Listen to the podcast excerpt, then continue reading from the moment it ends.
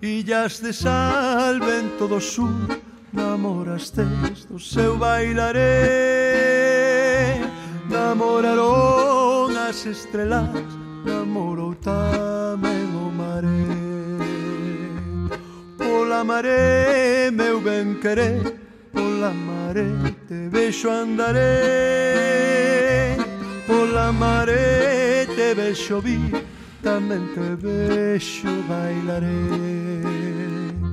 Con la mare te vescio vittamente vescio bailaré.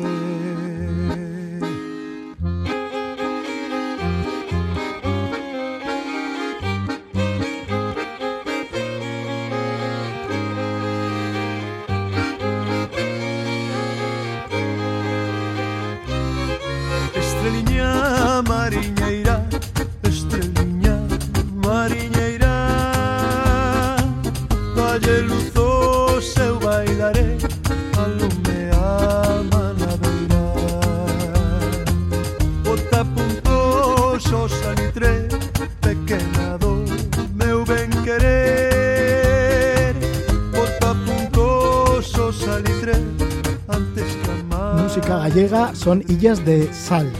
Lo hace Xavier Díaz y Adufeiras de Salitre. Y es que nos vamos con marineros gallegos hacia uno de los lugares más terribles, el caladero del Gran Sol. De esto habla la novela Buena Mar. Estamos con su autor, con Antonio Lucas, nacido en Madrid en el año 1975. Él es poeta, periodista, publica esa primera novela para él, como es Buena Mar. El narrador se embarca en un arrastrero gallego de los que faenan en las oscuras aguas del caladero del Gran Sol, uno de los más peligrosos de pesca de altura del mundo.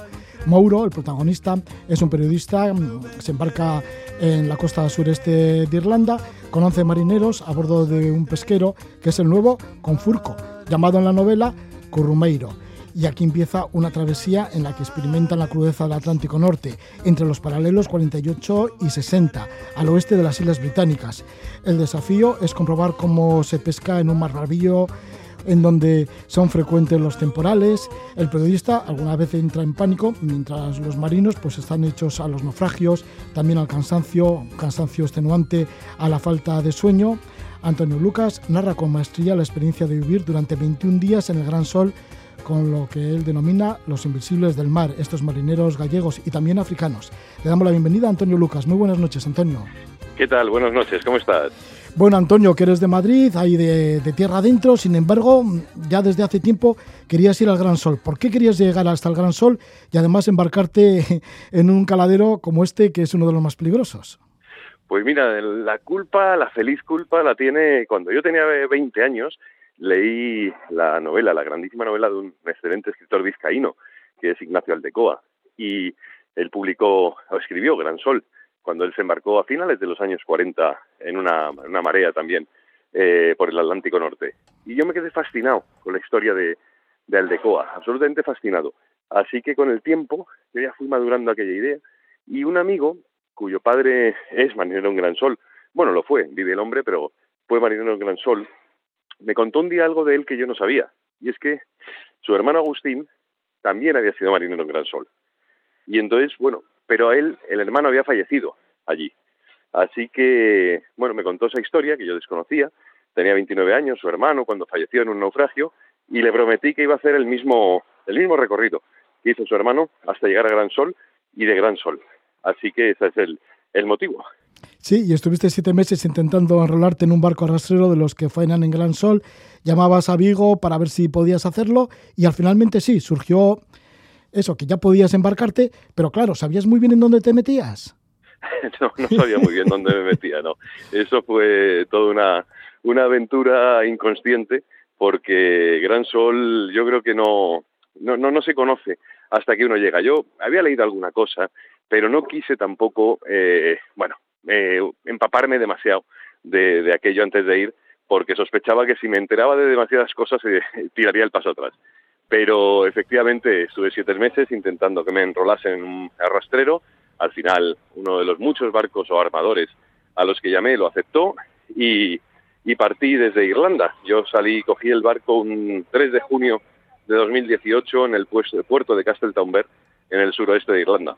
Y ahí comenzó una aventura de 21 días que son muchas, en el que yo creo que es uno de los territorios más infames del mar, que es el peligrosísimo caladero de Gran Sol.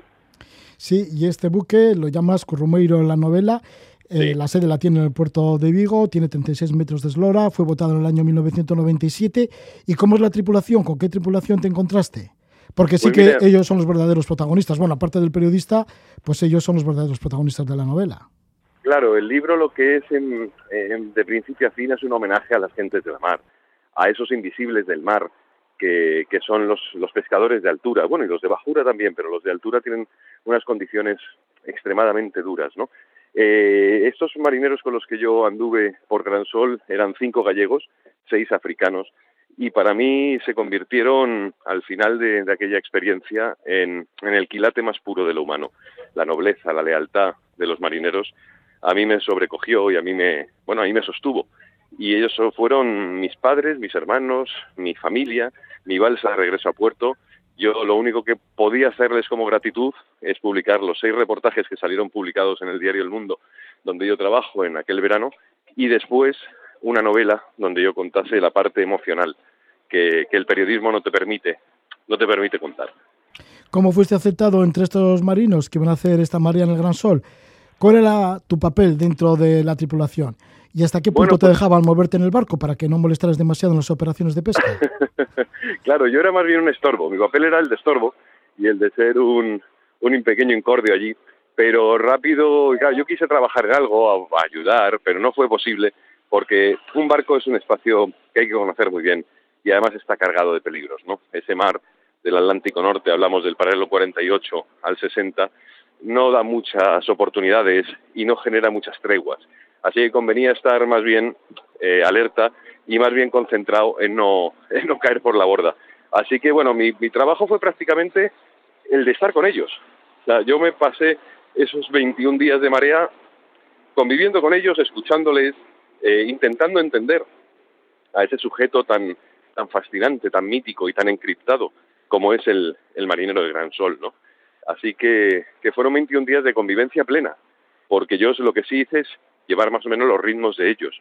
Decir, yo mantuve esos ritmos de vida tan desquiciantes, ¿no? De dormir en rachas de tres horas, como mucho, de despertarme de madrugada a ver las faenas de, pues de arrastre, eh, bueno, compartir todo lo que ellos tienen en su vida de, de penoso, porque es uno de los oficios, o quizás es el oficio legal más penoso que existe, el de marinero de altura, el de marinero en gran sol.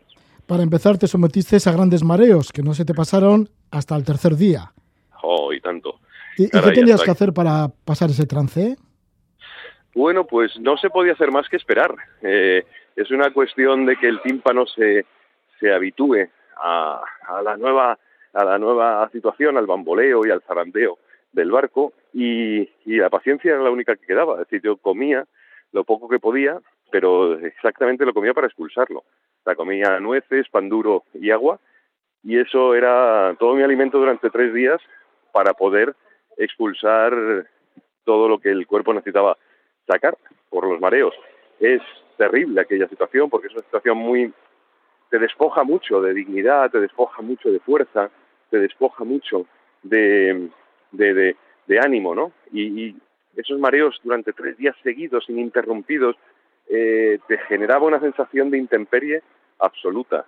Pero a los tres días o tres días y medio, aquello desapareció y la vida, no digo que fuese mejor, pero por lo menos se estabilizó. ¿Cómo eran las jornadas de trabajo entre los marineros y los turnos de comida? ¿Cómo era la vida a bordo? Oh, la vida a bordo es, es terrible. La vida a bordo es terrible porque allí no hay jornadas exactas, ¿no? Eh, ten en cuenta que el mar es incalculable. Los caprichos, sus vaivenes, sus, bueno, sus humillaciones eh, a las que te somete el agua y el mar de, de ahí arriba no, no dan para hacer muchos cálculos de hora. Es decir, allí pues cada tres horas suena un, una, un timbre que es el que indica que hay que, hay que elevar le, las, las redes y a partir de ahí pues, pues todo es siempre es igual, es que a gran sol se va a, trabajar y es un trabajo, como digo, durísimo, extremo. Así que las jornadas son infinitas. Si el día se da medio bien, que nunca se da bien del todo, bueno, pues un marinero puede dormir tres horas seguidas.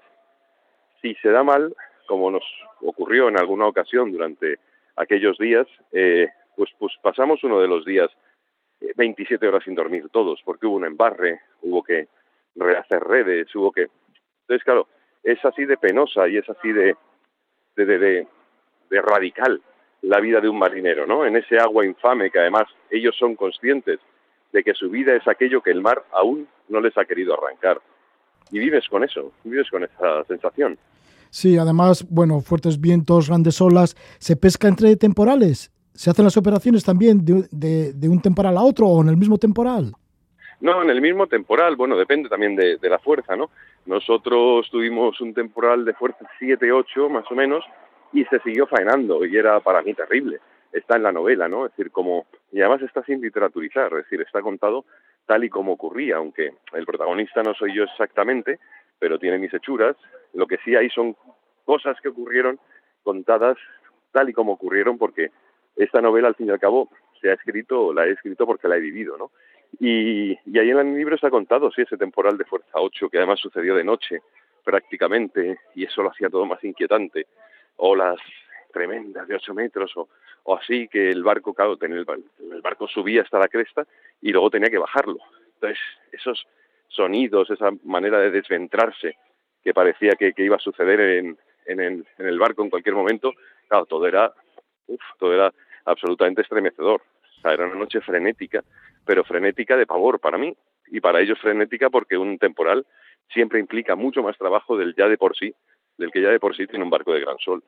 El protagonista de la novela es el periodista Mauro, esta novela, Buena Mar, bueno, que claro, se refleja mucho en lo que te pasó a ti, ¿no? Porque tú estuviste de periodista en, en, ese barco, aunque le cambias de nombre y a los personajes también les cambias de nombre, pero son reales, ¿no? Todos ellos. Sí, sí, sí, son reales, sí. Le cambio los nombres porque algunas cosas he metido de, bueno, pues de la ficción y propias de la necesidad del hecho narrativo, pero sí, sí, esos perfiles que el lector puede encontrar en Buena Mar, esos hombres, esos once marineros, existen. Mientras tú y yo estamos hablando, ellos están ahí arriba, ellos están haciendo gran sol ahora mismo. Eh, probablemente están en unas condiciones muy duras porque a partir de ahora, octubre, ya noviembre, empieza aquel mar a estropearse aún más, a romperse aún más de lo que ya va roto de por sí. Y sí, sí, son hombres con nombres y apellidos que, que ya te digo, para mí son una familia inesperada y yo ahora cuando pienso en el mar, pienso que tiene 11 nombres y 11 apellidos, que era la marinería de aquel barco arrastrero donde yo fui acogido, primero como un estorbo y después como uno más. Sí, en ese temporal, pues comentas que al protagonista Mauro, que, que bueno, que eres tú, eh, bueno, en ese momento dices que eso fue casi literal lo que representas en ese temporal, pues le dio un ataque de pánico en la enfermería, porque a él le dejaron para que estuviera solo en el catre, bueno, allí durmiendo, pues en la enfermería, ¿no? Y entonces él pensó, pues bueno, antes de que me vaya a la mar y no frague, me tomo las pastillas que sea necesario para acabar antes, ¿no? O sea que te dio un ataque de pánico. Sí, sí, me dio un ataque de pánico, sí, sí, igual que al protagonista de la novela. Me dio un ataque de pánico que además fue, fue severo porque sí que yo pensé que eh, es una ingenuidad propia de quien no conoce el mar, porque yo pensé que, bueno, ante una situación extrema o que viese que aquello tal, yo era capaz de tragarme todo el botiquín y que fuese lo que tuviese que ser. Pero luego cuando ya se relajó todo y nos reíamos con esta historia mía del pánico, ellos me explicaron que vaya tontería iba a hacer, porque con que me tirase al mar, con la hipotermia no duraba más de siete minutos y con las pastillas iba a durar dos horas. Así que era una mala operación por mi parte. Sí, bueno, y luego vas comentando pues cada uno de los marinos, ¿no? Que van en este barco ahí por el Gran Sol. El patrón de pesca le llamas Manuel Mariño, al que le conocen como Lolo. Sí, Lolo, sí, sí. sí, Que, tiene 54 años, nieto hijo de marineros, que lleva más de dos décadas patroneando, 27 años faneando en el Gran Sol. ¿Y cómo puede ser el carácter de una persona y cómo puede ser su mando de una persona que lleva 27 años ahí en el Gran Sol? Es muy interesante porque, claro, eh, cuando uno convive con estos hombres, estos hombres tan desconectados de tierra, eh, porque ya llevan tantos años de mar, ten en cuenta que suelen pasar 300 días al año embarcados y sesenta y tantos en, tierra. Claro, ellos han perdido todos nuestros protocolos. Es decir, es gente que tiene una cierta rudeza, o una rudeza muy, muy fuerte, muy, muy visible, pero a la vez tiene una humanidad que nosotros quizá hemos perdido. Y hay una ingenuidad, que es lo que les hace ser también más humanos. Su vida es durísima, su vida es terrible, su vida es tremenda. Pero de verdad que ellos, cuando los conoces, se enfatiza mucho la, certeza de que estás ante alguien muchísimo más, menos bastardeado de lo que estamos la gente de tierra, ¿no? Porque se han relacionado menos, porque su complexión vital se reduce a, la necesidad de su familia y poco más, porque ellos tampoco dejan amigos en tierra. Es decir, cuando se lleva tantos años en la mar, tu única vida es la mar. Y es curioso porque el mar es el único espacio inhabitable de la tierra. Entonces, ellos viven en el único espacio inhabitable. Pues tú puedes vivir en la selva, puedes vivir en lo alto de una montaña, puedes vivir en el desierto, en un pueblo deshabitado y ser el único habitante, pero nadie vive en el mar permanentemente. Y ellos son los seres que más lo viven. Así que, claro, todo eso le da unas aristas muy distintas a, la de la gente de, aquí, a nosotros, y se nota, y se nota en todo, se nota en su autoridad y se nota también en su ingenuidad. Y el Lolo es un producto de eso, claro. Sí, Lolo, bueno, pues que él depende también la vida de la tripulación y de las capturas. Así claro, de él depende todo, sí, por eso la autoridad es tan fuerte, ¿no? Lolo es un hombre que, que te enseña y te hace entender que un barco no es una democracia, un barco es una estructura muy vertical y claro, eh, debe ser así, yo, yo lo comprendo, debe ser así porque, como tú bien has dicho, de él dependen 11 personas, o sea, dependen 11 marineros que tienen que volver enteros a tierra. Y, y es su obligación llevarlos y llevar la pesca de la que viven. Ya, y es curioso porque cada uno de ellos te dice que no les gusta la mar, pero ahí están, ¿no? Vuelven año tras año a hacer las campañas y, por ejemplo, está Souba, ¿no? El cocinero, bueno, le llama sí. Souba, Alfonso Mosquero, le pones de nombre, tiene 47 años, empezó con 21 allí en estas campañas en el Gran Sol y abrazó a su primer hijo cuando este tenía 11 meses, o sea que no lo vían nacer hasta, bueno, hasta que tuvo 11 meses, pues nada, no le vio. Y además dicen de él que es el mejor cocinero de los barcos. Sin embargo, tú le preguntas, sí, sí, y, además le preguntas, ¿por qué no abres un restaurante en tierra? ¿Para qué te tienes que ir al Gran Sol a cocinar? Y él dice que no, que, que, que, en tierra no, no puede cocinar, que no, que no, que no hace nada en tierra. son así, son así, te lo dicen además con una naturalidad, con una espontaneidad que te traspasa, ¿no? Eh, el Showa es un ser angelical, no se llama Showa eh, en realidad, en realidad se llama Ansho, eh, y es uno de los seres más beatíficos que yo me he encontrado, ¿no? Es el cocinero, como bien has señalado, y además eh, del de la cocina de un barco, de un barco además tan, bueno, tan excitante y tan, tan inflamable en, en las emociones como es el de Gran Sol, de la cocina de un barco sale la paz social. Un mal cocinero te puede arruinar la marinería, porque es el único momento, el único momento de mínimo placer, si es que se puede llamar placer a eso, pero el único momento de mínima tranquilidad es cuando uno, cuando un marinero come o cena. Y para eso hace falta un buen cocinero, ¿no? Y el Showa es eso, el Showa es un hombre consciente y entregado a su cocina porque sabe que de ahí sale la única recompensa que un marinero tiene durante tantos días de faena, ¿no? Que es poder comer un buen pescado, un buen cocido, lo que salga de su cocina y es y es un hombre en ese sentido era como decía beatífico porque él dispensaba un poco las informaciones que, del barco, ¿no? Era el único que tenía contacto constante con el capitán, con el Lolo, con el patrón, y, y era el que iba dando un poco las informaciones puntuales de, del barco. Es como, como un periódico hecho por un solo hombre y en vez de papel, la voz, ¿no? Como, como toda, como, como soporte para la información. Y era muy interesante ver la relación que se tenía también con Showa, cómo se le cuida a Showa, cómo se le aplaude la comida, cómo se le jalea cuando un plato es estupendo y casi todos eran estupendos. Y el pues gran... sí, sí. Y en el Gran Sol también están muy presentes los naufragios, porque algunos de los tripulantes sí que habían tenido uno y hasta dos naufragios. Claro, están presentes, sí. Está presente en la memoria de todos ellos, ¿no? La posibilidad del naufragio. Algunos han naufragado ya y saben lo que, lo que sucede y lo que es eso. Pero claro, el naufragio conlleva muchas veces muerte, ¿no? Y de eso se habla poco en el barco. En esos oficios, en esas profesiones, donde uno trabaja tan codo a codo con la idea de la muerte, se habla muy poco de la muerte, porque ya sabes que está ahí y no conviene, no merece, no conviene y no merece la pena invocarla. Sí, se dice que al tercer naufragio ya eres inmortal. Bueno, por eso nadie quiere probarlo, porque la inmortalidad nadie te ha explicado cuál es. Si la de quedarte abajo y que el alma suba, o que tú te salves, y te salves como un Drácula. No, no, nadie quiere probar una, una tercera ocasión de naufragio. Antonio, ¿y por qué esa contradicción de que vuelven campaña tras campaña al Gran Sol ah, y mm. sin embargo no les gusta el mar. Eso te lo cuentan. No les gusta el mar. Tiene una relación con el mar muy conflictiva, porque entre otras cosas ellos surcan un mar que, en demasiadas ocasiones tiene dentro a padres, a hermanos, a amigos, a familias, bueno, aparte de su biografía emocional. Pero vuelven porque es su única forma de vida. Ellos ya no saben desconectarse. Algunos han conseguido salir del mar y se, bueno, se emplean en oficios de tierra, pero la mayoría de ellos ya no sabe salir del mar. Entró probablemente hace 20, 25 años, cuando aún se ganaba dinero en los barcos de Gran Sol.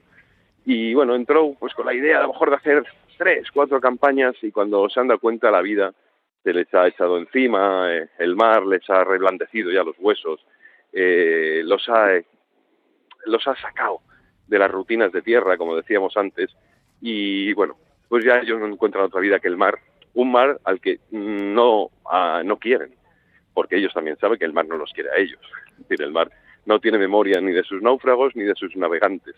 Entonces, cuando uno entra al mar, siempre el mar te plantea las mismas, las mismas canalladas, por decirlo de algún modo. Así que, por mucho que ellos estén en el mar, no desarrollen amor por él, porque saben que el mar no les va a dar nunca una oportunidad de más. Bueno, pues muchas cosas que has aprendido allí estando con estos marineros codo con codo.